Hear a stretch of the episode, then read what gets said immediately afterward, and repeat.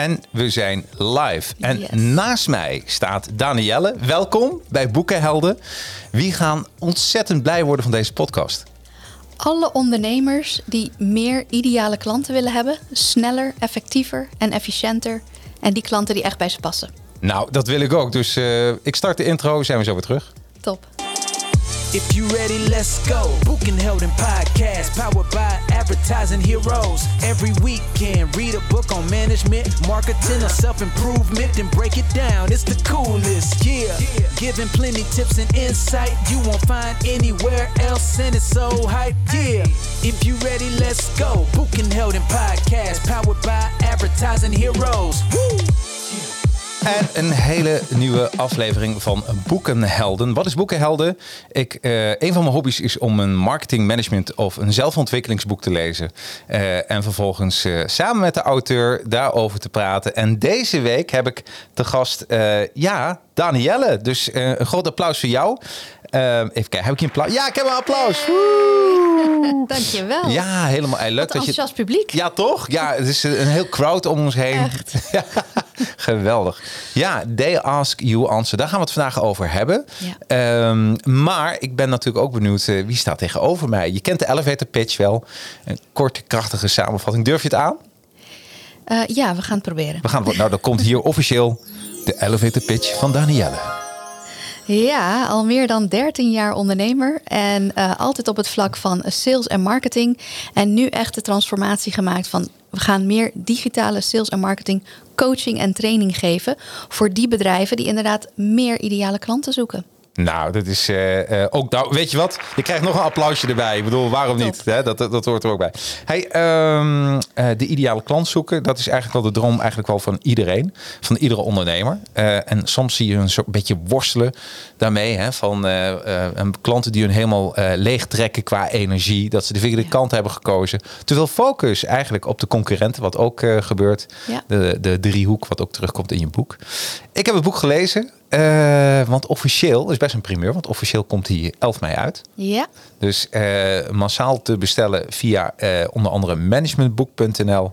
Eh 260 pagina's, weet ik niet, was dat aan mijn pdf of is hij, klopt dat? 260, weet je dat zo? ja dat zou zomaar kunnen. Want het is best wel een, een dikkerd. Ja, ja. precies. Ja. er staat veel in. Ja, hij is inderdaad 260 pagina's. Dat heb je 260 goed gezien. pagina's. Nou, Ja, helemaal fijn. Helemaal goed. Zeven hoofdstukken of delen, eh, hoe je het noemt. Hij is uit 2016 eh, het boek zelf. Eh, en jij hebt hem laten vertalen. de filosofie, eh, da- da- daar coach je ook in. Je bent eigenlijk een content coach voor de mensen die dit willen toepassen in een bedrijf. Ja, klopt. Ik ben een gecertificeerde coach van They Ask You Answer. Ik ben ook opgeleid dus door Marcus en zijn team. Wauw. Ja. Hoe gaat zoiets eigenlijk? eh kun je me even meenemen? Ja, daar ben je een jaar mee bezig ongeveer. Nou, het eerste stuk is een half jaar. Ja. En dan eh, word je echt helemaal ondergedompeld in They Ask You Answer. En wat houdt dat coaching dan in? En wie ga je dan coachen? En hoe ga je ze dan coachen? Ja. Ehm, en dan eh, daarna krijg je dus die certification na ongeveer een half jaar. En dan blijf je nog verbonden aan They Ask You Answer. En blijf je eigenlijk twee wekelijks Ja. contact hebben met coaches. Samen met de andere coaches die ook eh, ehm, opgeleid zijn. En één hoofdcoach. Die komt dan echt van de organisatie van Marcus zelf. En die, daar blijven we eigenlijk eh, onszelf mee ontwikkelen. En zelf ook gecoacht worden. Een coach die zelf geen coach heeft. Ja, dat is niet echt een goede coach. Nee, je moet altijd gecoacht worden door. En wat, ja, dat klopt. Hey, en, en hoe lang duurde die opleiding? Eh, het eerste stuk was een half jaar. Ja. En daarna blijf je eigenlijk ja, altijd doorgaan. Zolang je gecertificeerd blijft, blijf je eigenlijk ja, continu leren. Ja, ik vind het heel, eh, weet je, ik vind het heel positief. Eh, hetzelfde wat eh, Daan Smit met Storybrand heeft gedaan en Femke Hogema met Profit First. Ja. Zo heb jij eigenlijk de- deze ideologie, deze aanpak naar Nederland gehaald. Ehm, en, en ik vind het wel heel slim, want dan kun je eerst kijken wat doet het boek, raakt het mij? En why not? Ik bedoel, eh, soms Dat- is iets al zo goed. Ja, dat, dat was het allerbelangrijkste voor mij. Is ik, ik las het boek en het was voor mij zo klaar als een klontje als dit is voor elk bedrijf wat een complex salesproces heeft, wat complexe producten of diensten verkopen, is dit gewoon interessant. Ja. Die, die kunnen hier zoveel meer mee winnen dan, Ja. ja, dan op dit moment. Dit moet naar Nederland komen. Ja, Ik weet nu al, dus nu al een, een één nadeel aan deze podcast. Hij is te kort. Ja. Want er staat zoveel in het boek. Dus ik probeer, ik heb hem gelezen, ik heb aantekeningen genomen. eh, dat we de mensen meenemen. Eh, eh, A, wil je dan meer weten, kun je altijd het boek kopen. Maar je krijgt tijdens deze podcast een heel goed idee van het boek. En waar jij het voor kan gebruiken. En waar, en waar je, ja, je kan eigenlijk na deze podcast al meteen beginnen. Met de eerste stappen van eh They Ask You Answer. Graag zelfs, Ja. want daar is het voor bedoeld natuurlijk. Precies, lekker pragmatisch, Ja. lekker praktisch. Toch? Gewoon we maken er, doen. Gewoon doen. We maken er een praktische uitzending van. Yes. Ehm, even kijken. Nou, eh, ehm, hij is eh, geschreven door Marcus Sheridan. Ehm, en, en de reden, wa- waarom heb je eigenlijk dit boek naar Nederland gehaald? Wa- Wat was de heilige dat je dacht van dit moet Nederland of België moeten dit boek lezen? Omdat in de basis, als je het leest, dan is de basis gaat over vertrouwen. Het Ja. winnen van vertrouwen van je potentiële klant. En dan eh, ervoor zorgen dat, eh, ja, dat ze naar jou toe komen. Dat je dat vertrouwen dus ook krijgt. En dan op een gegeven moment eh, ja, business gaat doen. Hè? Dus zaken gaat doen met, met je ideale klant. Ja, En het principe daarachter is zo vanzelfsprekend en zo helder en zo duidelijk. Er is eigenlijk weinig uitleg nodig. Als je het boek hebt gelezen, is vaak de reactie wat mensen hebben aan het eind... Duh, Ja. eh, logisch, maar we doen het gewoon niet. Nee, nee, precies. Nee, Ja. nee, nee. En, de, en eh, daarom vind ik het een heel heerlijk praktisch boek. Ik bedoel, ik heb zelf ook wat aantekeningen genomen. Ik dacht, oh, het inspireert mij ook meteen. Hè. Je kent het wel, dat heb je waarschijnlijk ook gehad. Je hebt boek gelezen destijds. Denk van, oh, hier moet ik mee aan de slag. Ja, goede Ja, dingen erin. ja. Nou, eh, waar gaat het over? Het gaat over eh Rival Pools en Spa's. Ehm, want daar is eh, Marcus ja, een soort is aandeelhouder geweest daarvan. Is hij nog steeds? Is hij nog, oh, Ja. is hij nog steeds? Ja. Ehm, eh, verkoop van bubbelbaden en zwembaad, eh, zwembadbenodigdheden. En door de crisis in 2009 en was hij aan het randje van faillissement. Ehm, maar door zijn denkvermogen eh, kwam hij eigenlijk achter een rode draad wat They Ask You Answer heeft gevormd. Wat was voor hem die rode draad, Danielle? Nou, toen hij, eh, hij was dus ondernemer. Ja? En ehm, had eigenlijk nooit echt iets gedaan met marketing. eh, was echt vooral een salespersoon. Dus de, de mensen kwamen een, een zwembad bij hem kopen. Nou, elke dag ging hij naar zijn werk en ging die zwembaden verkopen. Ja. Niks aan het handje.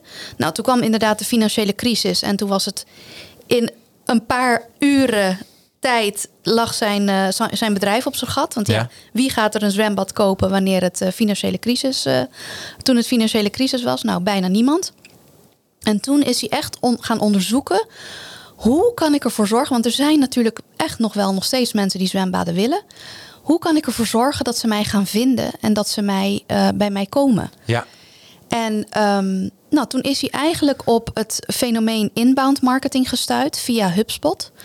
Ehm, en toen heeft Wat, hij. wat, wat, wat is dat, inbound marketing? Even. Inbound marketing is eigenlijk dat je gaat eh, vertellen over je producten en diensten en vooral de problemen van je klanten die zij hebben en daar oplossingen voor gaan, eh, gaan, gaan bieden. En dat doe je met content marketing. Ja. Dus inbound marketing is content marketing. Dus zorg ervoor dat mensen naar je toe komen doordat je de juiste content verspreidt. Onder andere natuurlijk op je website. Nou ja.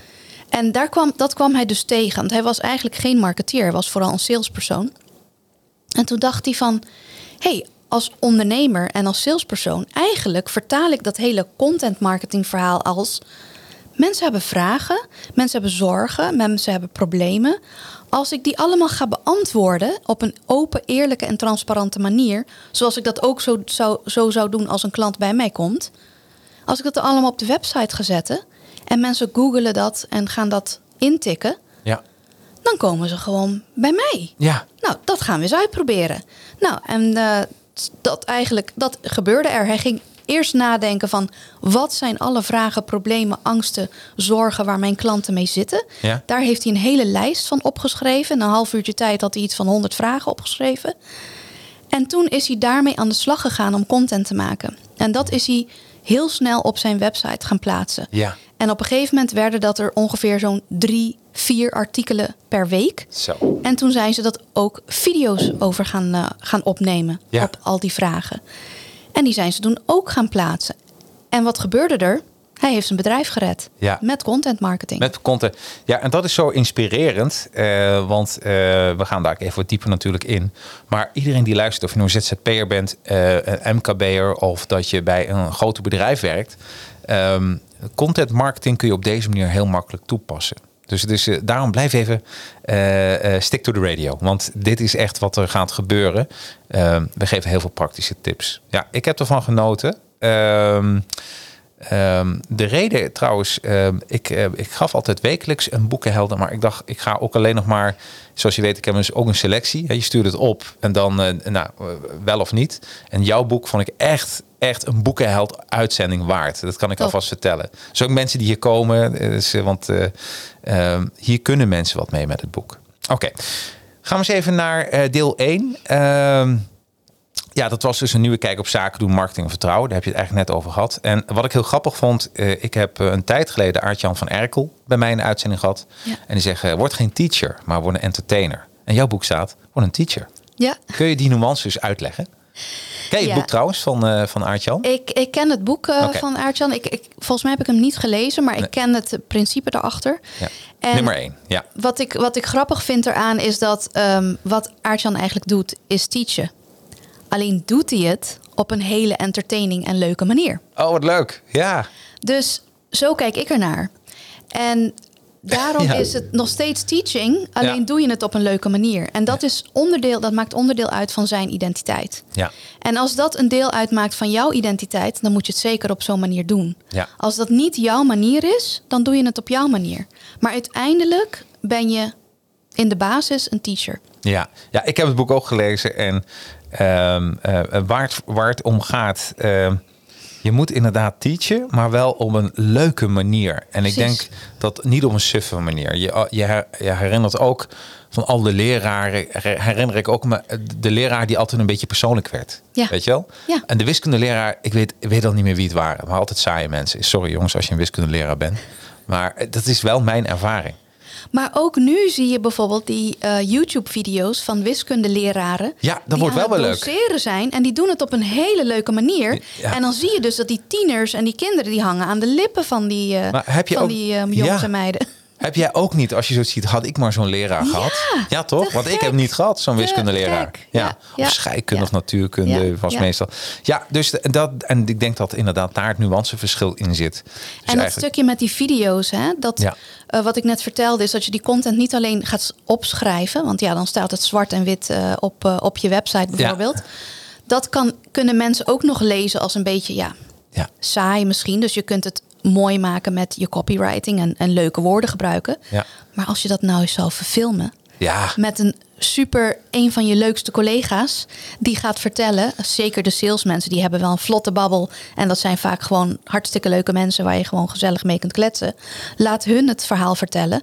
En dan zie je gelijk die persoonlijkheid terugkomen. Ja. Ja. En dan krijg je er een gevoel bij. Ja. En dan denk je van, hé, hey, die is wel betrouwbaar. Want ik zie hem in beeld en geluid. ja, ja, helemaal mee eens. Ik bedoel, eh, ik heb er ook nooit een, een, eh, een, eh, een geheim van gemaakt. Sterker nog, is de basis waar ik in geloof 80% van mijn omzet komt door de podcast. Van mijn eigen, weet je, dat klanten mij kennen, vertrouwen. En, Ja. en als ik, ik vraag me af of ik dat voor elkaar had gekregen als ik alleen een blogger was geweest. Want nu kom je toch eens even op de, gepusht op de tijdlijn. Ja. Mensen zien dat, ja, helemaal mee eens. Dus, We bouwen een relatie op. En dat gebeurt ook bijvoorbeeld met mensen die we op televisie zien. ja, Ongemerkt Ja. bouwen we eigenlijk een kleine relatie op met die mensen. Ook al zijn ze alleen maar, het is een, een een, eenrichtingsverkeer, want zij kijken naar jou. Dus ze kunnen niet reageren en jij kunt niet op hun reageren. Maar doordat ze je zien bewegen en, en praten, hebben ze toch een beeld bij wie jij bent, letterlijk. Ja, precies. En daardoor, dat is mijn ervaring, als ik dan een aanvraag krijg voor het nemen, opnemen van een podcast of het regelen van webinars of het maken van een reclameplan, ehm, dan, dan kennen ze me al een beetje. Ja. Snap je? En als ze hekel hebben aan een eh, kale mannen met bril en een baardje, dan weten ze, nou, moet dus niet bij Jacques zijn. Nee. of met een superhelden shirt, weet je wel? Ja, Dus denken, nee, nee, dat- nee, nee. Inderdaad, als dat niet eh, bij je past, nou, Nee, prima, en dat is toch? prima. Daar, Ja, dat want die wil je ook niet. Nee, nee, nee. En andersom ook niet. Dus eh, dit is net daten met een klant. inderdaad. Toch? Deel 2, vertrouwen opbouwen. En ja, hoe doe je dat, vertrouwen opbou- opbouwen? Nou, wat we net bespraken, dus dat je echt open, eerlijk en transparant gewoon gaat vertellen zoals je dat ook zou vertellen als je het gesprek zou hebben met een, met een potentiële klant. Ja, ja, een, een hele leuke tip wat in je boek staat. Ik zeg even je boek, omdat jij het gewoon naar Nederland hebt gehaald. Je hebt het vertaald. Je hebt er bloed, zweet en tranen in gestopt. En er zitten drie Nederlandse cases in. Ja, daarom. Dat is ook eh, trouwens dus ook heel vet aan het boek, sorry dat ik het zo zeg. Maar per, onderdeel zie je gewoon cases, waardoor je ook het in praktijk. eh, ja. Ja. maar is wel heel gaaf. Even kijken. Dan eh, een van de voorbeelden is dat. Daarin zeg je brainstorm over elke vraag die aan jou is gesteld door een prospect of klant. Als je daar eens bij stilstaat, ook de luisteraar en de kijker. Brainstorm over elke vraag die aan jou is gesteld aan een prospect of klant. Dat is wat, want eh, je kan je zo leeg schrijven, Ja. toch? Ja, dat, dat, als je je klant goed kent, Ja. dan moet dat. Als je niet verder komt dan vijf vragen, Ken je klant wel? Ken je je klant. Dan moet je eigenlijk even terug naar de basis. Ja, nou ja, maar is ook, een, is ook goed, weet je, want als je ja, omzet ergens stagneert, Ja. dan weet je, oh, hier heb ik nog wel, wel, wat werk te doen. Ja. Ehm, ehm, ehm, praktisch gezien, hoe, hoe zou jij dit aanpakken? Als uh, je leest dit, brainstormen over die vraag. Nou, vervolgens moet je een output genereren. Neem eens mee. Ga je dan een pen en papier pakken, een half uur zitten of een uur? Ja, het ligt eraan eh, hoe je het doet. Kijk, als ik het met mijn klant doe, dan zorg ik ervoor dat we eerst een cultuurworkshop hebben gedaan. Mhm. Dus dan gaan we echt eerst ondergedompeld worden in wat is de Ask You Answer en waarom gaan we dit überhaupt doen als bedrijf en Ja. waarom willen we dit? Ja. En dan op een gegeven moment, als ze eenmaal mee zijn genomen in de methodiek, hoe het werkt, waar we naar op zoek zijn, hoe we willen kijken naar onze, onze klanten en onze prospects, dan gaan we een brainstorm sessie doen met de organisatie. Ja, ja, ja. Dus ik heb laatst heb ik zo'n workshop gedaan en dan zitten er zo'n, volgens mij waren er zo'n twintig mensen Ja. van, de, van de klant bij. Ja? En dan zeggen we van oké, nu gaan we brainstormen alle Ja. vragen die jullie ooit hebben gehad. Ja. En er zitten mensen van allerlei afdelingen bij. Ook bijvoorbeeld programmeurs zitten daarbij. Ja, ja, ja, wat Nou, en die gaan dan ook nadenken over, goh, wat zou een potentiële klant mij kunnen vragen? Of wat heeft hij wel eens aan mij gevraagd? Ja. En dan ga je daar, eh, daarmee aan de slag. En dan maak je een eerste schifting eigenlijk. Die dump je allemaal in een grote Excel-sheet. Ja. Eh, of, of wat jouw, eh, jouw ding is natuurlijk. Ja, hè. ja. Ehm, en dan heb je daar je eerste, je eerste lading van alle vragen. En dan ga je prioriseren. Wat zijn de 80% van de vragen die je eigenlijk altijd wel krijgt? Of altijd wel eh, hoort? Of Ja. altijd wel wil beantwoorden? Of die, gaan, eh, die wil je als eerste gaan, eh, gaan beantwoorden? Nou, en 80% van de vragen, of 20%? we gaan eerst voor de, voor de top, top 80 procent. Top 80%. ja, Ja? eh, ik kijk eerst vaak naar de top 10 vragen die Ja, ze dan krijgen. En daar haal ik dan eens een, een 80 procent. Dus Ja, precies. 7 à 8 Oh, op zo'n vragen, die pak ik dan. Ja. En dan zeggen we, oké, die gaan we als eerste beantwoorden. Die zijn de belangrijkste. Die gaan we gelijk bij elkaar bundelen in een soort koopgids. Ja. eh, buyer's guide, hoe je het ook wilt noemen. En die ga je dan weer terug aan je prospect geven, nog voordat je in gesprek gaat met ze, zodat ze al voorbereid zijn op het eerste gesprek. Oh, wat goed. Ja, en zo eh, bouw je dan langzaam aan een soort con- content case met video's. Eh, En daar kun je dan natuurlijk ook weer. Allermooiste is natuurlijk als je er video's bij doet. Ja, ja, ik denk juist. Ik bedoel, Ja. want video zorgt er gewoon voor, eh, voor dat vertrouwen eigenlijk. Want dat vond ik, je weet, ik ben dol op video. Als je binnenkomt, video is mijn ding. Ehm, maar het is niet zo dat ik bedrijfsvideo's maak. Dat is grappig, hè? Dus dat doe ik totaal niet. Ik vind dit wat we nu doen, dat is voor mij content creëren. Maar dat kan natuurlijk wel. Maar Jacarino, Ja. wat is de laatste keer dat je een bedrijfsfilm hebt bekeken en dacht, daar ga ik wat kopen? Nou, niet. Nee, Nee. nee, Oh, tenminste, dus niet, nee, maar eh, wat wij doen is gewoon leuke content maken. Ja. En dan gewoon de vragen die er leven, lekker transparant ook. Nou, daar hou ik helemaal van. Ja. Daarom, eh, ja, ik denk niet, een held moet altijd transparant zijn. Dus, eh, en dat geldt ook voor de gids. Dus dat is belangrijk. Ehm, dan, eh, wat ik ook heel gaaf vond, is de, het Karl Marx, eh, Karl Max eff- effect. Karl Max effect. Carmax, Carmax. Carmax. Oh, ik heb het verkeerd. Carmax. Oh, ik heb het ja, zelf. ja. Carmax. Ca- Carmax, natuurlijk. Kun je mij mee- meenemen? Carmax effect. Ja. Wat is dat? Ik vond het heel gaaf. Ja, eh, CarMax is een eh, tweedehands eh, autoverkoopbedrijf in Amerika. Ja. En nou, ik weet niet of, of dat hier, eh, volgens mij is het in Nederland net zo. Als we denken aan een tweedehands autoverkoper, nou, dan hebben we al heel snel een beeld van, oh, die gaat me iets proberen aan te smeren en het zal allemaal wel niet kloppen en is die auto wel oké enzovoort. Nou, dat is in Amerika natuurlijk ook net zo. Daar zijn het ook gewoon mensen die, eh, Ja, precies. die twijfels hebben bij een tweedehands eh, auto. En CarMax heeft gezegd van wij gaan het anders doen. Onze Ja. branche heeft een probleem. Die heeft een imagoprobleem. Mensen vertrouwen deze branche niet meer. We worden gezien als onbetrouwbare sales pushers van Mhm. auto's. Wij gaan het anders doen. Wij gaan een prijs op de auto zetten en dat is de prijs. Oh, wauw. Ja. Ja. En wij gaan je laten zien dat wij die auto's die wij hier verkopen, die zijn door zoveel punten, checkpunten geweest dat we zeker weten dat die auto oké is. Zo werkt dat proces. En we, zo zie je hoeveel auto's er niet door onze selectie komen. Dus ook niet hier op het wagenpark staan. Ja, ik vind dat zo'n goed idee. Allerlei dat soort dingetjes hebben ze gedaan. Dus ook salesmensen zijn eigenlijk geen salesmensen, dat zijn adviseurs. Ja. Eh, want er wordt niet onderhandeld meer over prijzen. Want Nee. als de auto eh 19.000 euro kost, dan kost die 19.000 euro. Ja. Punt. Ja. Nou, zo hebben ze eigenlijk die hele branche ja, omge, eh, omgekat naar hun eigen manier van werken. Ja. Heel open, eerlijk en transparant wat je zegt. En ja, natuurlijk alle andere eh, tweedehands autobedrijven... die zaten eerst van, nou, pff, wat een onzin, dat gaat nooit werken. Ha, ha, ha, wat Ja. een sukkels. Nou, en nu zijn ze ondertussen natuurlijk marktleider. En dan weet je wat er gaat gebeuren. De rest moet ook mee. Ja, precies. Ja. Dus zij hebben eigenlijk de hele, eh, hoe zeg je dat, Eh, de toon gezet Ja. voor, de voor die, die omwenteling in die markt. Ik vind dat zo'n goed idee. Moet je voorstellen dat je bij een tweedehands, eh, eh, tenminste, een occasion wil kopen.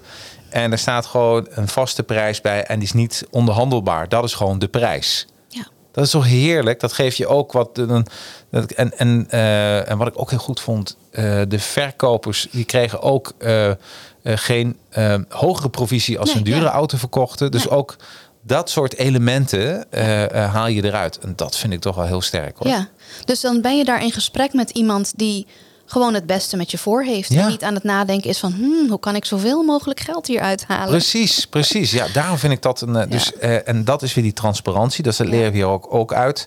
Eh, ja, ook ja, de- de olifant in de kamer bespreken komt ook in het boek voor. Dat is, hè, dat is ook van, ja, durf je het aan of niet? Maar eigenlijk, het wordt toch besproken. Mensen vinden het toch wel, die zoeken Ja. toch wel op internet naar, naar het antwoord op die vraag. Precies, bijvoorbeeld problemen. Ja, Eh, wat zijn de problemen met eh, als ik met jou in, dien, eh, met jou in zee ja ga? precies. Wat kan er misgaan? Ja. Je kunt je voorstellen, kijk, veel van mijn klanten zijn IT-bedrijven. Nou, daar worden misschien grote IT-trajecten ingezet. Ja, Nou, dat zijn trajecten van kunnen wel tonnen zijn. Ja, dat gaat, daar gaan vast dingen mis. Dat Ja. kan niet anders. Nou, wees daar al gelijk eerlijk, open en transparant over. Haal die olifant maar lekker naar binnen. ja. Dit is de olifant, maar ook gelijk. Hoe gaan we om met die olifant? En hoe zorgen we ervoor dat we die olifant, eh, ehm, ja, hoe zeg je dat? Dat die niet groter wordt Ja, dan dat die hoeft te worden. Ja, ja. Ja. En, en dat, is, eh, dat vind ik dus ook zo belangrijk. Ook als een nieuwe eh, klant binnenkomt en die heeft een vraag over je dienstverlening. wees meteen vanaf het eerste gesprek duidelijk wat je kan, maar ook wat je niet kan. Ja. Want een klant, op, ik heb nog nooit meegemaakt dat een klant zei, nou dat vind ik heel erg, ik zoek meteen verder. Want als je meteen zo open en transparant blijft, dat is, dat is misschien wel je grootste verkoop item wat je kan hebben. Ja. Eh, eh, geen eh, hidden agenda's, gewoon. Precies. Hè? Ja, ja. Ja. Eh, De Big Five komt ook eh, in deel 2 voor. Ehm, ehm, eh, wat zijn de Big Five eigenlijk? En dan lopen ze even alle vijf door. Ja, we, eh, we hebben net gehad over één van ze. Dat zijn Ja. de problemen. Ja. Dus als er problemen zich voordoen met eh, jouw dienst of jouw producten, benoem ze dan gelijk. Ja. Want als jij ze niet benoemt, dan gaat of je concurrent ze benoemen, of ze komen er vanzelf wel achteraan ze aan het, eh, aan het uitzoeken zijn. De andere zijn natuurlijk prijzen. Ja. En dat is altijd een hele gevoelige. Ja, want eh, de concurrenten zullen maar eens je prijs ontdekken, Danielle. Jeetje, oeh, oeh, oeh. Ja, ja. Terwijl als je het ze vraagt van... hey, weet jij ongeveer wat jouw concurrent vraagt? Nou, Ja, dan ja. kunnen ze best vaak een antwoord op Absoluut. geven. Absoluut. Dus dan zal je concurrent het ook wel van jou we- weten. Ja. En wanneer was de laatste keer dat je concurrent je eh, je rekeningen betaalde. Nou, precies niet. Nee, daarom, daarom. Dus, Dus, maak die website vooral voor de klanten en beantwoord de vragen van de klanten. ja. Toch? Ja, Ja, en wat ook belangrijk is om te weten met prijzen, is dat het niet gaat om je hoeft geen euro's te noemen of te vertellen van het is precies dit. Want natuurlijk, elk traject is anders. Elk project is anders. Kijk, bij sommige mensen hebben vaste prijzen, vaste diensten. Ja. Prima, kan je gewoon noemen. Maar als dat niet zo is, leg dan in ieder geval uit hoe het zit. ja, Eh, leg dan in ieder geval uit, als je duurder bent dan de concurrent, vertel waarom. ja. Als je goedkoper bent dan de concurrent, vertel dan waarom. Want misschien krijgen ze minder, of is het een, is gestandardiseerd of Ja. iets dergelijks. En dan weet jouw prospect ook van hé, hey, bij die moet ik zijn, want die is open, eerlijk en transparant over de prijzen. Ja. Ja. En wat er dan gebeurt, is een soort psychologisch effect. Ja. Degene die open, eerlijk en transparant zijn, daar gaan klanten dan ook naartoe. Ja. Zelfs al zijn ze duurder.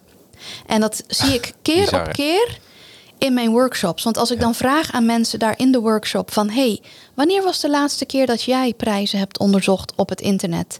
En ben jij toen, kan je je een keer herinneren dat je toen ook voor de duurdere bent gegaan? En ja hoor, dat komt best wel vaak voor. Ja, ik ben inderdaad voor die duurdere gegaan. En waarom? Omdat zij open, eerlijk en transparant waren in alles. Dus ik vertrouwde ze. Ja, En ja. daar durfde ik dus heen. Ja, joh, dat is, eh, weet je, eh, 100% En die transparantie, dat is eh, eh, eh, belangrijk. Natuurlijk komen, denk ik ook wel wat andere zaken. Ziet het er eh, wel lekker uit. Kom daar nog even op terug. Hey, soms zie ik ook wel, als een website bouwen bijvoorbeeld, zijn website ook niet lekker uitziet. Dan, dan denk je meteen, dan, dat doet iets met je vertrouwen, curve. Ja, Hè? ja, Dus, eh, eh, dus het, het, je, moet- ik denk wel, een, de basis is, en dat zie ik toch al vaker voorkomen, je, je moet je zaakjes zelf op orde hebben. Ja, de basis moet gewoon goed zijn. Moet goed zijn. Kijk, je kunt geen They Ask You Answer doen als de basis niet op orde is. Nee. Als je niet een dienst hebt die überhaupt waar mensen op zitten te wachten, Nee. dan gaat het al gelijk eh, mis natuurlijk. Ja. Of dat het allemaal niet klopt. Hè? Dus dat, dat, laten we dat voorop stellen. Dan, Ja. alleen, alleen dan kan je de Ask You Answer doen. Maar om even terug te komen op die Big Five. Ja. We hadden dus die prijzen en die problemen. Ja? Dan hebben we vergelijkingen.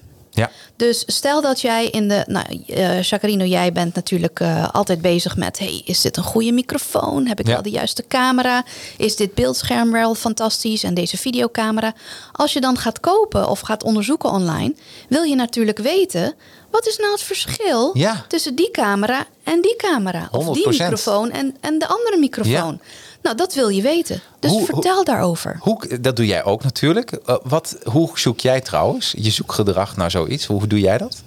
Als je het verschil wil weten tussen twee dingen, bijvoorbeeld eh, nou, twee camera's. Ik weet niet of je dat ooit hebt Ja, gedaan. ja, zeker. Dus wat je dan doet, is je, je tikt dan in de, de, eh, het modeltype Ja. en dat andere modeltype en dan versus ertussen. Ja. Nou, waar, waar zoek jij? Oh, vaak is dat gewoon Google of ik ga naar een Tweakers of, Ja. of iets dergelijks. Maar in eerste instantie ga ik naar Google en dan zoek ik de sites eh, waarvan ik denk van, oh, die, eh, die, die kunnen me daarover vertellen. Ja. En soms is dat natuurlijk een onafhankelijk website, zoals een Tweakers of iets dergelijks. Maar het kan ook vaak zijn, bijvoorbeeld bij Coolblue. Ja. Wel grappig. Ik gebruik, nu ik het er met jou over heb, ik gebruik heel vaak YouTube. Ah, als, eh, kijk. Ja. Want eh, vooral als we over camera's hebben, ben ik ben benieuwd hoe ziet het eruit. Precies. En, eh, en met geluid kunnen ze wat laten. En ik, ik gebruik heel stom, ik gebruik YouTube als een soort Google. YouTube is de tweede grootste zoekmachine. Ja, precies. en Dus het is natuurlijk van Google, klopt. maar eh, ja, ja. Ja. Dus vandaar dat die video's, wat jij Ja. eigenlijk zegt, en, eh, je kan het op je website schrijven. Een transcript van een video kan altijd. Ja. Eh, een beetje bijwerken, hoe ziet er mooi uit. Maar je video, denk ik, is, ik weet niet hoe jij erin staat, maar dat is gewoon de basis, denk ik. Ja, ja. Want kijk nu naar de generatie TikTokkers. Ja. Het het is geen hippe site met allemaal blogs, hè? Nee. Nee.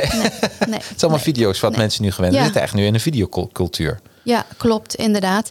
En het mooiste is als je dat kunt, zelfs kunt combineren natuurlijk. Hè? Ja. Dat je dus en je blog hebt en daar een video eh, bij doet. Ja. Of, of sowieso een foto. Daar kan je in ieder geval mee beginnen. Ja, daarom. Dit is geschreven door Ja. eh, deze persoon. En die heeft, de, die heeft de kennis in huis, want Ja. dit is de titel van die persoon. Dat is Ja, natuurlijk en ook... eh, wat, ik een voor, wat ik echt een nadeel van een foto vind, want soms zie je iemand en denk je, pff, dat weet ik niet hoor, of ik dat Ja, trek, heel eerlijk. klopt. Maar dan zie ik de video en denk ik van een leuk persoon. ja, ja Hè? dat Want is ook waar. Die spontaan. Dus in- ja, ik ben echt een, zoals je weet, een videoliefhebber.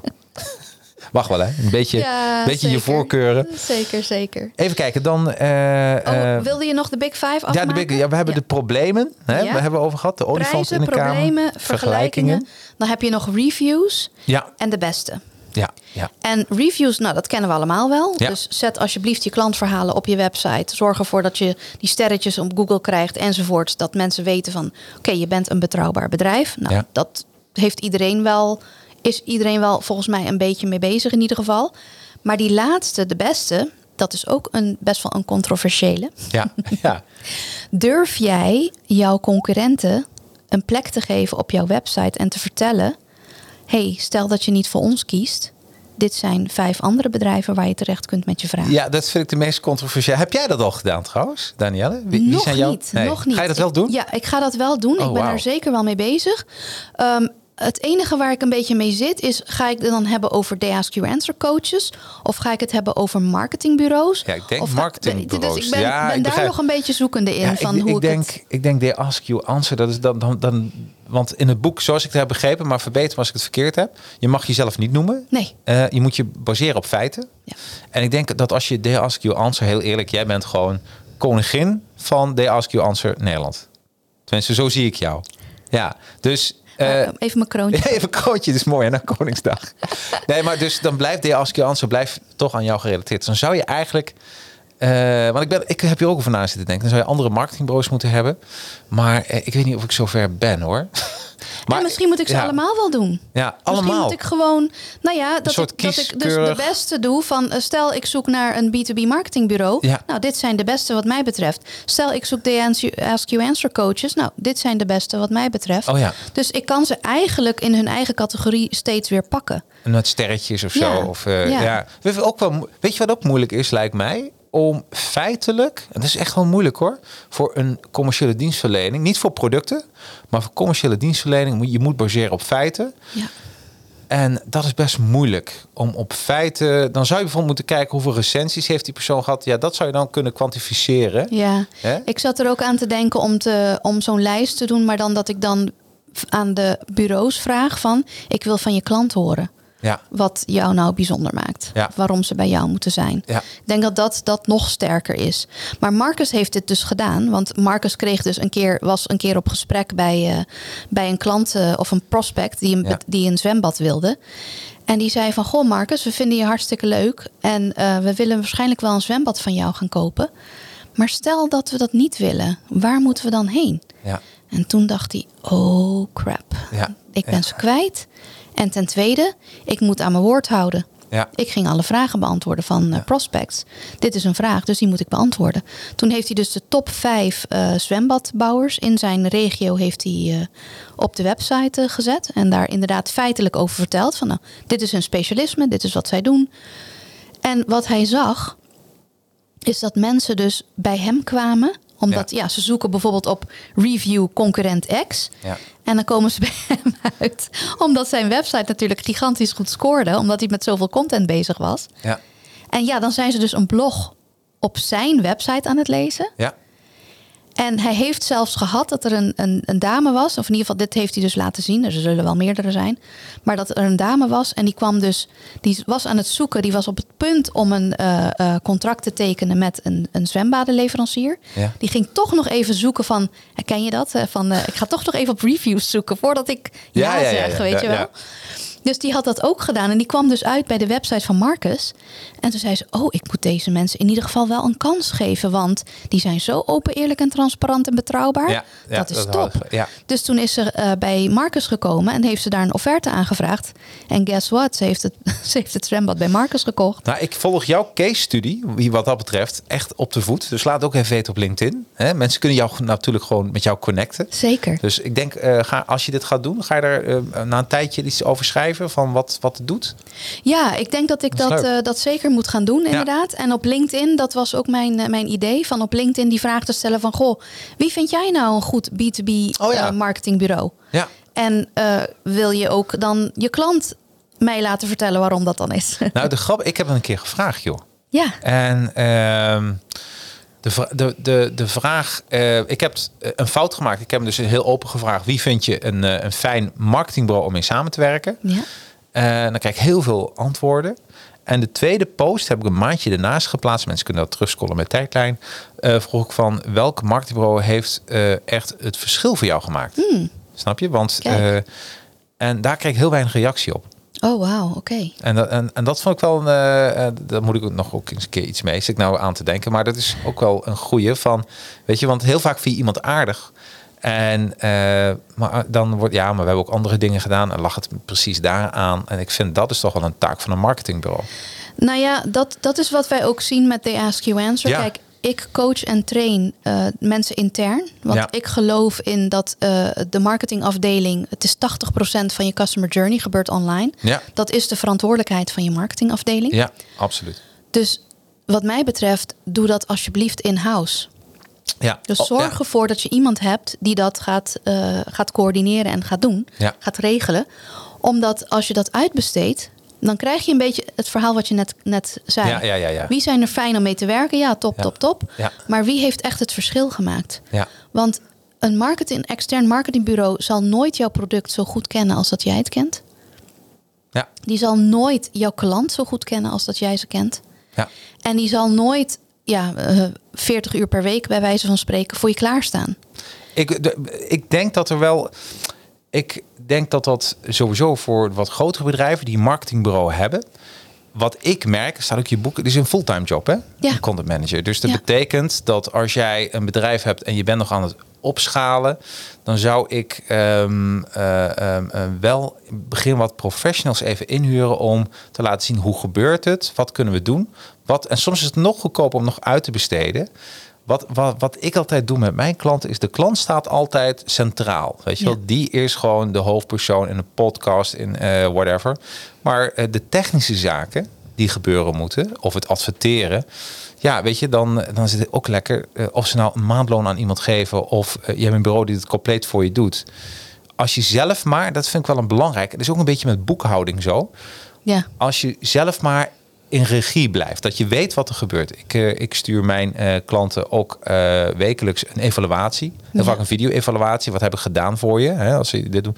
Om hen mee te nemen in dat proces. En ik denk, en het heeft met transparantie te maken. Dus ik, ik begrijp wat je zegt, maar ik denk ook dat de, de, de klant moet de hoofdrol hebben in de content. Maar ik, ik, ik- laat ik zeggen, ik zou nog niet willen zeggen dat alles dat moet outsourcen. Ik, ik denk dat het bijvoorbeeld met, met, ik zit even hardop te denken, mijn boekhouding. Ik doe alles zelf, maar ik gebruik een programma. Hè, die koop ik, nou, die huur, nou wat is het, abonnement. Ja. En daar maak ik gebruik van. Ja. En dan huur ik ook nog een eh, eh, van Accumulus iemand in die voor mij eh, een, een paar uur meekijkt aan het eind of alles goed loopt. Want Ik ben geen belastingadviseur. ja, Maar toch heb ik het gevoel dat ik 80% aan het stuur zit. ja. Ja, nou ja, en dat is belangrijk. En op een Ja. gegeven moment, wat je wilt, kijk, als je op een gegeven moment op een bepaald punt zit dat je iemand kunt aannemen, dan is dat ook een, een grote stap, een Ja. belangrijke stap. En dan kan je gaan vliegen. Ja. Want dan heb je iemand die continu schurkt tegen sales aan, die continu met klanten mee kan lopen. Het allerbeste en wat ik ook heel graag Ja, ja. wil, wat mijn content manager doe, doet, is in gesprek gaan met echte klanten. Ja, ja, ja. Ehm, meegaan in salesgesprekken. eh, meedoen met sales. Nadenken, de sales eh, bij betrekken bij het, bij het creëren van de content. Omdat het gaat over salesgedreven content. En Ja. niet zomaar content. Nee, precies. Nee, ik begrijp. Is het niet zo, maar dat is ook een leuke discussie. Is het niet zo van, als je eenmaal onderdeel wordt van de cultuur, ehm, durven mensen dan nog wel, ehm eh ligt gewoon welke organisatie werkt, maar durf je dan nog wel eh, je te verzetten tegen bepaalde ideeën? Dat- Ik vind dat dus een taak ook van een bureau. Die moet af en toe zeggen, nou, je bent dit van plan, maar we denken dit en dit. En eh, hoe houd je je, ehm, hold your ground, weet je wel? Dat je zegt van, nou, nee, we denken dat dit echt de verkeerde kant op gaat. Dus ik vind dat ook cultuur, wat jij zegt, vind ik zo goed. Dat je begint met een cultuursessie. Ja. Als je, want ik denk culture is strategy for breakfast. Ja, Ik denk dat, eh, ja, ik denk die cultuur, dat is, eh, dat kan in je voordeel werken. Het kan ook al, ik heb het vaak gezien dat het, en denk jij ook, dat het wel in je nadeel kan werken. Als je onderdeel wordt van de cultuur, dan op een gegeven moment zie je niet meer zo heel scherp. ja, weet ik niet of dat echt zo is. Wat je wil is dat je continu blijft nadenken over wat wil die klant? En wat, Ja. waar, welke problemen, zorgen en angsten heeft die klant? En dat is de waarheid. En zolang je dat pakt, dan heb je eigenlijk altijd die blik van buitenaf die je Ja. naar binnen brengt. En ik denk dat, dat dat heel erg belangrijk is. En de reden dat, zo, dat we zo'n cultuurworkshop doen eh, als, als You Answer coach, is omdat iedereen mee moet werken aan die content. Content Ja, ja, ja. is van iedereen in de organisatie.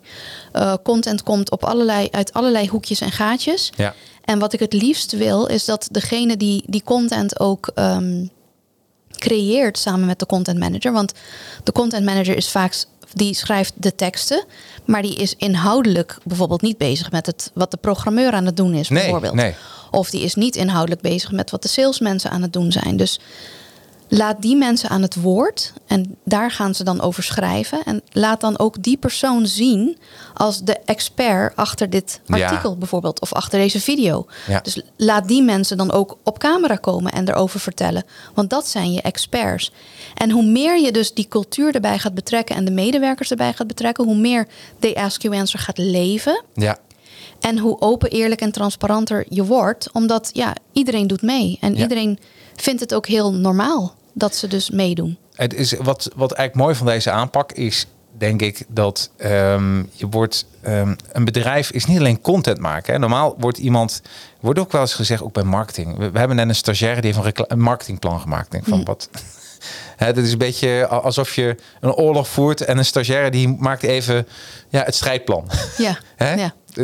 Ja. Maar ehm, eh, wat ik zo mooi aan, eh, aan, aan, aan dit geheel vind, is dat je eh, dat content wordt niet een afdeling, maar het, het zijpelt door je hele organisatie Ja. heen. Want en als je niet transparant wil zijn, ja, dan heeft de Ask Answer ook geen nut. Want Houd gelijk op. houd het op, hè?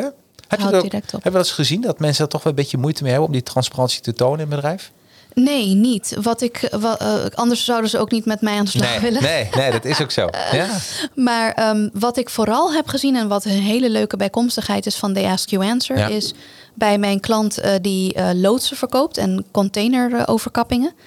Daar zijn ze dus met They Ask You Answer aan de slag gegaan. En dan heb ik gelijk een revenue team gecreëerd waar sales, marketing, maar ook engineering in zit. Want die creëren dus al die, eh die containeroverkappingen en die, ehm, die loodsen. Die Ja, ja, maken ja, ze dan. ja. En wat we zagen is dat heel vaak sales had een bepaald beeld bij wat klopte. Dit is wat ik mijn klant vertel al x aantal jaar. En nu dat engineering erbij zat, ja, maar dat klopt eigenlijk niet, want het is, zit Ja. zo en zo. ja. Dus zij zijn naar elkaar toe zoveel transparanter geworden als organisatie, waardoor alle content die nu op de website staat, dat is eigenlijk de single source of truth geworden ja. Begrijp ik. Ja. omdat die content manager zit daarbij en die zegt dan: Oké, maar wacht even. Engineering zegt X, sales zegt Y. Wat is nou het ware verhaal? Daar komen we dan achter. En dan het ware verhaal wordt dus gepubliceerd online. ja. En dan kunnen we dus eigenlijk ervan uitgaan dat er altijd een single source of truth is. Dus straks als zij nieuwe salesmensen hebben of nieuwe engineers hebben, is het gewoon op het blog kan je eigenlijk alles vinden. Ja, dus ook het inwerken van nieuwe Ja, medewerkers ja.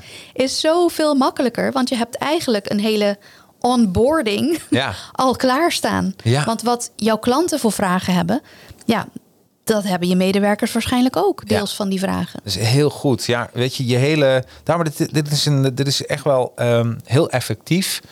En eh, content marketing wordt helemaal geleefd door een. eh, door een, een. Dus ik begrijp heel goed dat je de- jouw rol als content coach of.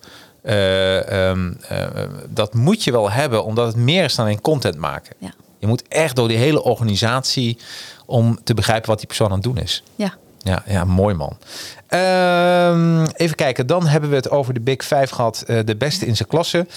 Ehm, eh, is natuurlijk heel belangrijk. Ehm, de, de recensies ook, hè? Van, eh, Ja, de reviews inderdaad. reviews. Klantverhalen, super belangrijk. Ja. Dan komen we op deel drie. En dat is eigenlijk wat ik een hele mooi vond, is de driehoek van invloed. En dan hebben we het over de concurrenten, ongeschikte klant, ideale klant. Ik denk, dit is al bijna al een boek waard.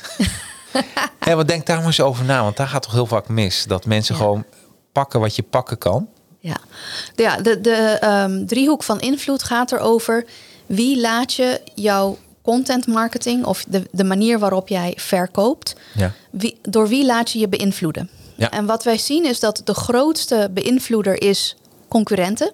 Dus wij kijken met z'n allen naar wat onze concurrenten aan het doen zijn. En we doen ongeveer hetzelfde. Of eh, we zijn heel erg bang om transparant te zijn. Want ja, onze concurrent gaat dat zien. Oeh, Ja. wat gebeurt er dan? Dat verhaal. Daarna, de tweede is ongeschikte klanten. Ja. Dus we zijn continu aan het nadenken van... ja, maar als ik dit dan vertel op mijn website of in een video... dan verlies ik misschien die ene klant... die ooit eens een keer wel Ja. voor mij zou hebben gekozen. Ja. Maar ja, weet je, dan ben ik misschien net te duur. Of dan vindt hij dit niet leuk of zo. En dan, ja, ik wil toch iedereen kunnen bedienen. Ja. Nou, dat is dus ook een probleem. En dan als laatste in dat kleine puntje van de driehoek... daar komt dan de ideale klant terecht. Ja. Dus die krijgt heel weinig aandacht eigenlijk. En wat we toen zagen is dat van... Moeten we nu die driehoek omdraaien? Dus moet de grootste beïnvloeder de ideale klant zijn... en daarna pas eh, de ongeschikte... en daarna pas de, ehm, de concurrent. En daarna dacht, eh, dacht Marcus van... nee, alleen die ideale klant hoort in die driehoek te staan. Ja. Die moet centraal staan. Dus helemaal niet, je moet je helemaal niet laten beïnvloeden door je concurrenten Nee. of de ongeschikte klanten. Want die wil je toch niet. eh, Die, wanneer hebben die rekeningen voor het laatst betaald? Absoluut. Niet. Nee, ab- helemaal mee. Dus Weet je, concentreer je op die klant. ik vind het zo mooi dit, want iedereen herkent dat wel. Iedereen heeft wel een klant gehad, of misschien heeft hij nog, waarvan je denkt van, Oh. als, als ik deze keer tien doe, is mijn bedrijf failliet. Ja. Want er gaat Ja. oneven veel energie van mijn kant, maar ik krijg eh, de, de, de, de beloning daarvoor niet terug, want dat is het Klopt. dan. En, De ehm, energy vampires noem ik ze. ja, ik ook. De energieslurpende va- eh, eh, vampieren zijn het gewoon. Ja, absoluut. En iedereen herkent ze ook. Ja. Hè, dus doe dat niet. En betekent niet al dat het aan de klant hoeft te liggen. Het kan ook de, tussen jou en de klant de chemie daartussen. Maar voor sommige eh, eh, bureaus gaan ze dan wel aan, bij jou dan even niet. Omdat Ja. je niet die match hebt. En dat kan gewoon gebeuren. Hè? Maar, eh, en heel vaak zie ik ook dat, dat bij bedrijven gebeurt die geen plan hebben. Ze doen maar wat. Dus, we- weet je, bijvoorbeeld, ik heb een marketingbureau en ik zou zeggen, nou weet je, ik, ik kan alles. Dat is niet zo. Ik kan dit, ik kan dat, ik kan. Nee, daarvoor heb je specialisten. Daar heb ik helden die dat dan wel kunnen. Maar ik eh, eh, laat, laat mij geen Google-campagne doen. Dat kan ik totaal niet. Daar hebben we helden voor die dat wel heel goed kunnen. En, en daar gaat het meestal mis. Ehm, en dat je geen duidelijk plan hebt wat, je, wat echt de transformatie is. ja. En, En alles voor iedereen willen zijn. alles voor iedereen willen zijn. En wat ik, wat ik daarbij zie, of hoe ik dat een beetje noem, is je gaat voor de transactie in plaats van de transformatie. Heen- Ja, dus, ja, absoluut. Hier ben ik het dus helemaal, die sla ik helemaal op aan. Ja. Ja, daar moet je voor gaan. Hè? Wat, wat, ja, waarom ben jij? Wa- Wat kan jij het verschil doen? Ook heel grappig, als jij denkt, ik kan niet, ik, ik vang het geld, maar ik kan niet die transformatie betekenen voor de klant, don't do it. Nee, dan houdt het op. Ja, en als je Dan denkt van, oh, die kan het veel beter, dat Ja. doe ik dus ook. Dan stuur ik ze gewoon door. Ik krijg wel eens een appje van, eh, wat grappig dat je mij hebt doorgestuurd. Ja, omdat ik daar niet zo goed in ben. Ja. En, eh, en daardoor kun je veel leuker ondernemer en uiteindelijk heb je ook veel meer winst. ja, en wat je dan ziet, is dan komt die ideale klant vanzelf wel weer aankloppen. Ja, ja dat, absoluut. eh, ja, Ja. Daar, dat, dat vertrouwen moet je dan ook hebben. Ja, absoluut. Maar het gaat niet vanzelf. Je moet wel video's maken. Eh, ja, graag. Ja, precies, ja. Hè? Niet, niet wachten van, nou, nu komt het vanzelf. Nee, je moet eh, geluk wel uitdagen. Eh, deel 3, de impact op sales teams. Eh, daar eh, vertel, wordt in een boek verteld over assignment selling. Wat, wat, wat is dat? Kun je mee, mij meenemen? Ja, assignment selling is eigenlijk wat mij betreft de manier waarop je de Ask You Answer, waar je het snelste resultaat mee ziet. Ja, hè? Als je eenmaal aan de slag gaat dus met die content maken, wat ik al net zei, hè? pardon. Pak die top 10 vragen die je Ja. altijd krijgt. Ga daar die content over maken. Dus 80% van die 10 vragen, dus 7, 8 vragen ga je pakken. ja. Daar ga je content over maken. En die ga je inzetten als huiswerk naar je prospect toe. Hmm. Dus stel je hebt een, eh, een afspraak met een klant die heeft gezegd van goh, ik wil eh, met jou aan de slag. Ehm, bijvoorbeeld voor een een of ander softwarepakket. Ik wil met jou aan de slag. Nou, dat is best wel een grote beslissing. ja. Dus voordat je die afspraak hebt, stuur je die beste prospect een e-mail toe. Liefst met nog een video erbij. Beste prospect, volgende week hebben wij de afspraak. Ik heb voor jou alvast zeven tot acht vragen die, waarvan ik nu al weet dat je die gaat stellen. Heb ik voor je verzameld in dit handige boekje. Lees die even door. Assignment selling, huiswerk. Je krijgt Ja. huiswerk. Lees die even door op je gemakje. bekijk deze video. Ehm, whatever je allemaal doe, wil doen met die 7 tot 8 vragen, hoe je ze ook hebt ingekleed, maakt mij niet uit. Liefst video, maar kan ook geschreven zijn. Stuur dat toe. En dan, als je dat gesprek hebt met, met die prospect, hoef je dus die 7 tot 8 vragen, hoef je alvast niet te behandelen. Ja, want heel goed. die heeft hij al, die, Ja. die snapt hij al. Je kunt, op, je kunt natuurlijk vragen van, goh, was het duidelijk? Heb je daar nog vragen over? Prima. Maar je kunt dus veel sneller in het, eh, over het probleem waar die persoon of die klant mee worstelt, kun je het hebben. Dus je veel, kunt veel sneller de diepte dieper. Ja, ingaan. heel goed. En dat betekent dus dat je een heel stuk van je salesproces hebt versneld. Ja. En wat wij zien, eh, een van de klantcases die dus in You Answer zitten, een van die Nederlandse cases, wat we daar hebben gezien, is dat het salesproces in sommige gevallen van 90 dagen terug is gebracht naar 10 dagen. ja, moet je voorstellen. Ja, ik kan me het ook helemaal Door voorstellen. assignment selling. Ja, ik vind dat zo'n goed idee. Want meestal, dat heb ik ook, meestal hebben mensen een beetje dezelfde vragen. En als je het kan oplossen in een videootje, dan eh, nou, is briljant. En, en, daarom, en dit is een hele nieuwe manier, eh, om een andere manier video inzetten Ja. voor content marketing. Niet Ja. over dit zijn wij en dit doen wij. Dat is saai, heel eerlijk. is toch, hè? Maar- Niemand is bezig met wie jij bent als Nee. ze een probleem hebben. Nee. Want dan zijn ze alleen maar bezig met hun probleem eh, en een oplossing te vinden Precies. daarvoor. Ja, ja. zeker. Ehm, heel en, mooi. En Dus- wat je dus ziet is dat, kijk, omdat content marketing, dat kost altijd tijd. Ja. Voordat je geïndexeerd wordt door Google of door YouTube. Ja. Of, nou ja, dat allemaal, dat kost altijd tijd. Dus dat is lange adem, lange termijn denken. Maar met assignment selling ga je dus heel snel die content inzetten, waardoor je dus heel snel resultaten ziet. Ja. En dan gebeuren er twee dingen. A, je salesproces wordt versneld. Dus je hebt sneller klanten binnen.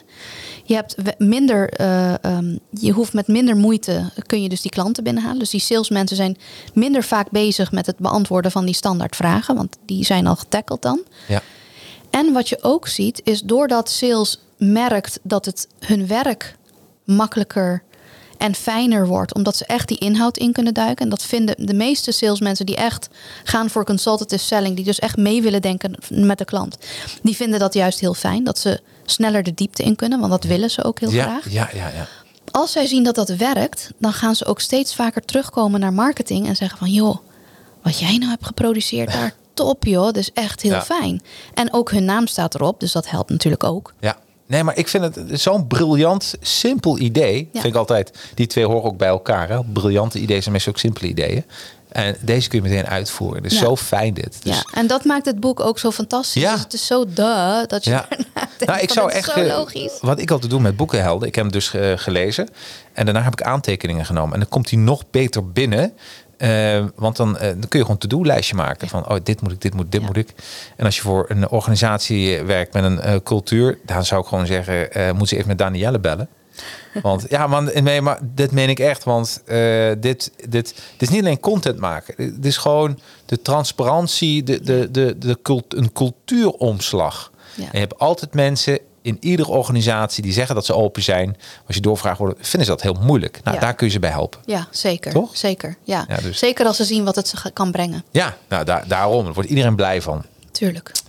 Ehm, ik sla even um, wat dingen over. Want wat ik heel leuk vond eh, en vind, is de noodzaak van een videocultuur. En daar praat je over de Selling 7. Ehm, dan hebben we het over de 80% video. Wat is dat, eh, Danielle? Ja, die 80% video's, eigenlijk waar we het net ook over hadden, Mhm. is wat zijn die top 10 vragen eh, die ze altijd stellen? Nou, pak daar de, de top 7, 8 van. Dat is de, de 80% video. Ja. En de 80% video is eigenlijk dat je dus in een videoformat die vragen gaat beantwoorden.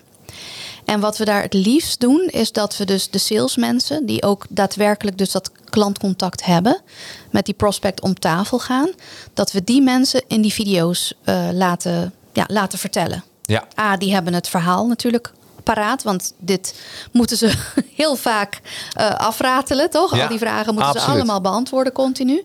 Nou, vertel het maar op camera. Hoef je het maar één keer vast te leggen Ja. op camera. En kan je dat tienduizenden keren inzetten. En waar ik heel blij mee was, waar ik echt een voorstander voor ben, gebruik geen script. Ja, Dat is wat in het boek staat. Ja. Zoals wij met elkaar praten, dit zou al een content, dit zou al iets kunnen zijn. Ja. Snap je? Voor, en ik denk dat het, de meestal zien mensen er tegenop. Denken ze, ja, moet ik hebben? En dan worden ze zenuwachtig. Maar als je gewoon een lekker gesprekje voert Precies. en, eh, en die vraag wordt dan beantwoord door die persoon, dat knip je eruit, ondertitel je. En je bent eigenlijk al klaar. Ja, Super en dat, dat is dus een hele mooie taak voor zo'n content manager. Ja. Is laat die in de, in de huid van de hand, klant eh, kruipen. En laat die die vraag stellen. Ja. En dan laat ze maar vertellen. Daarom. En de eus en de as, allemaal geen punt. Er mag Dat gelachen je- worden, er mag Precies. lekker ontspannen. eh, Dus eh, ja, dus, en dit vind ik dus zo goed. En dit is die authenticiteit. We zijn een beetje, eh, we- de marketing is zelf veranderd gewoon. Ten goede vind ik. Lekker transparant. En dat leer je ook met het boek van eh, aan, aan mensen. Komt er ook niet meer mee weg om trucjes toe te passen. Nee joh, we hebben het allemaal door. Ik bedoel, we hebben het zelf al door. Als iemand niet te vertrouwen is, denk ik, nou, dat weet ik niet. Ja. Hè? Ehm, dan hebben we de eh, biografische video's. Wat, wat, wat, wat, wat zijn dat? Ja, biografische video's zijn eigenlijk korte video's. Eh, vaak is dat een minuutje eh, over één persoon binnen de, organisatie. En waar we vaak mee beginnen met die bio-video's... is dat we eerst de salesmensen bio- bio-video's laten maken. Ehm, en daar laten we eigenlijk zien van... wie is eh Jacarino nou eigenlijk? Ja. Eh, een stukje professioneel, dus wat doe je in je werk? Dagelijkse Ja. werk. Wa- waarom vind je het leuk om te werken? Maar ook, als je dat eh, leuk vindt, ook een klein stukje van wie ben je thuis? Of weet je, wat is je hobby? Iets een beetje meer geven, de, de, die persoonlijkheid, die, waar we het net ook over hadden als teacher zijnde. Ja. Van wie, wie, is, eh, wie zijn de docenten die je nog herinneren? Dat zijn die mensen die toch een beetje persoonlijk werden. En ja, waar je een beetje een inkijkje kreeg van wie, wie is deze docent nou eigenlijk? Ja. Nou, dat doe je met een bio-video ook. Het zijn hele korte video's. En wat we dan vaak doen is... Nou, je kunt ze natuurlijk op de website zetten met de overons... en nou ja, wie er allemaal hier werken. Maar een hele mooie plek waar je hem kwijt kunt... is ook in je e-mail signature. Oh, mooi. Ja. Dus dan zet je in je e-mail signature. Ik heb hem trouwens ook in mijn eh, e-mail signature staan. Dus eh, mocht je. die van mij is natuurlijk niet zo gelikt en professioneel, want ik heb hem eh, zelf opgenomen. Maar dat, dat gaat nog gebeuren. Ehm, en, en wat je dan doet, is omdat je hem dus in je e-mail zet, kunnen mensen altijd even kijken van. Oh, van wie heb ik die e-mail gekregen? Wat is dat voor type eh, achter de. eh, ja, En voor de mensen die nu meetypen, hoe, hoe doe je dat technisch gezien? Gewoon een, is het een, een Ja, die kan je gewoon in je, in je e-mail signature plakken met Gewoon een videootje. Ja, met een, nou ja, met de URL. Eh, ja. Dus je, je, je host hem ergens op YouTube of op een Vidyard of op Ja. een ander videoplatform. Vimeo kan ook. Ja. En dan doe je dat linkje doe je dan in een plaatje in je. ehm Zo'n ja, play-knopje in je erin. signature met Ja. een, natuurlijk een playknopje, anders snappen mensen niet dat Nee, er inderdaad nee, een video achter zit. Ja. En dan worden ze dus geleid naar je video en kunnen ze hem eh, bekijken. Briljant idee. Weer een briljant idee. Ja, nee, maar dit zijn. Ja, hier hebben mensen wat aan. Hier Ja, hebben ook wat aan. Hier hebben we met z'n allen wat aan. En je kunt gewoon klein beginnen. Hè? Ja. Ik heb hem zelf gemaakt, gewoon met mijn camera van mijn, eh, van mijn laptop. Aangezet, een goede microfoon erbij en gewoon een kort verhaaltje over mezelf verteld. En that's dus it. Ja. that's it. Ja. Het hoeft allemaal niet zo spannend en gelijk gelikt te zijn. Als je iedere keer een beetje beter wordt, dus mijn credo, Precies. dan ziet het eind van het traject er super uit. Ja, ja. Dus, eh, en dat is, dat is ook een ding met video. Hè? Dus Ja. dat je ehm, pas bij de honderdste video heb je het idee van... oké, ik krijg het nu onder de knie. Maar Ja. ja, je moet wel eerst die honderd video's door. 100 procent. En mensen, jij ziet meer dan anderen hoor. Over jezelf. Dus- Precies. Dus, dus, je bent veel kritischer op jezelf dan dat anderen dat zijn. 11 mei is eh, de datum dat het boek uitkomt. En eh, wat we nog niet hebben besproken, maar daar moeten mensen het boek lezen. Wat zijn claimvideo's? Hoe maak je ze? De klantreisvideo's, prijzen en kosten eh, video's, eh, landingspagina's video's, gepersonaliseerde video's voor e-mail hebben we net besproken.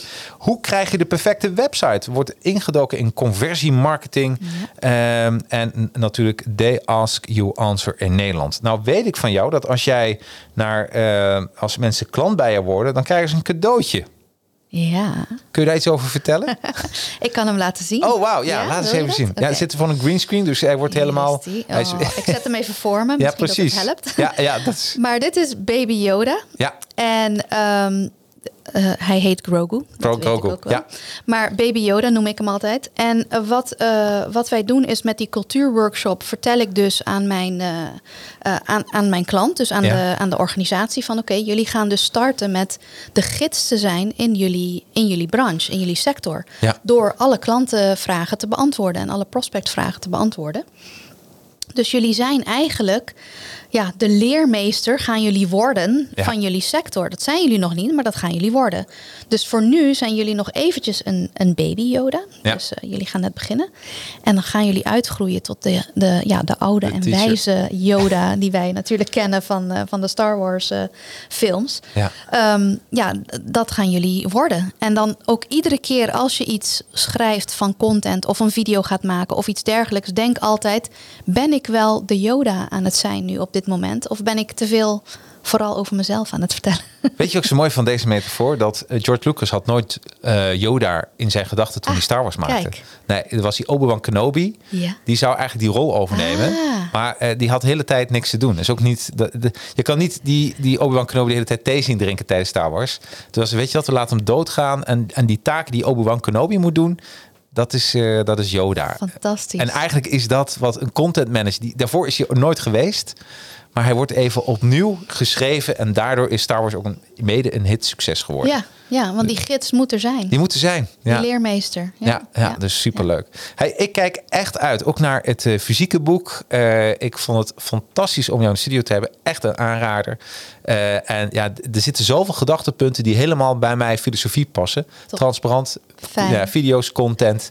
En ik ben blij dat iemand in Nederland nu een idee heeft gepakt en dat faciliteert en dat uitrolt. Dus complimenten daarvoor. Dankjewel. Super. Ben, ben ik wat vergeten, Danielle? Ja, het hele boek bijna, maar er komt zoveel in besproken. Wat ik zei, ik kan niet alles in een uur eh, bespreken. Nou ja, die drie Nederlandse cases, Ja. daar moet je zeker eh, eh, het Nederland, de Nederlandse versie van het boek voor hebben. Want ja, die staan natuurlijk niet in de Amerikaanse versie. Nee, nee, nee, nee. Dus die Nederlandse cases, als je die wilt zien, die zitten in het boek. En ja, dan kan je ook zien dat het in Nederland werkt. Daar heb ik ook van genoten. Dus eh, allemaal zo. kopen. 11 mei, managementboek. Ik zet de link wel even in de show notes erbij. En eh, nou, het was een eer om je hier te hebben. En ik hoop dat, je, dat, dit, nou, dat dit fantastisch uitrolt. Want eh, Nederland heeft het verdiend. Helemaal top. Dankjewel. Helemaal goed. Bedankt iedereen voor het kijken. Tot de volgende Boekenhelden. Tot dan. Hoi, bye.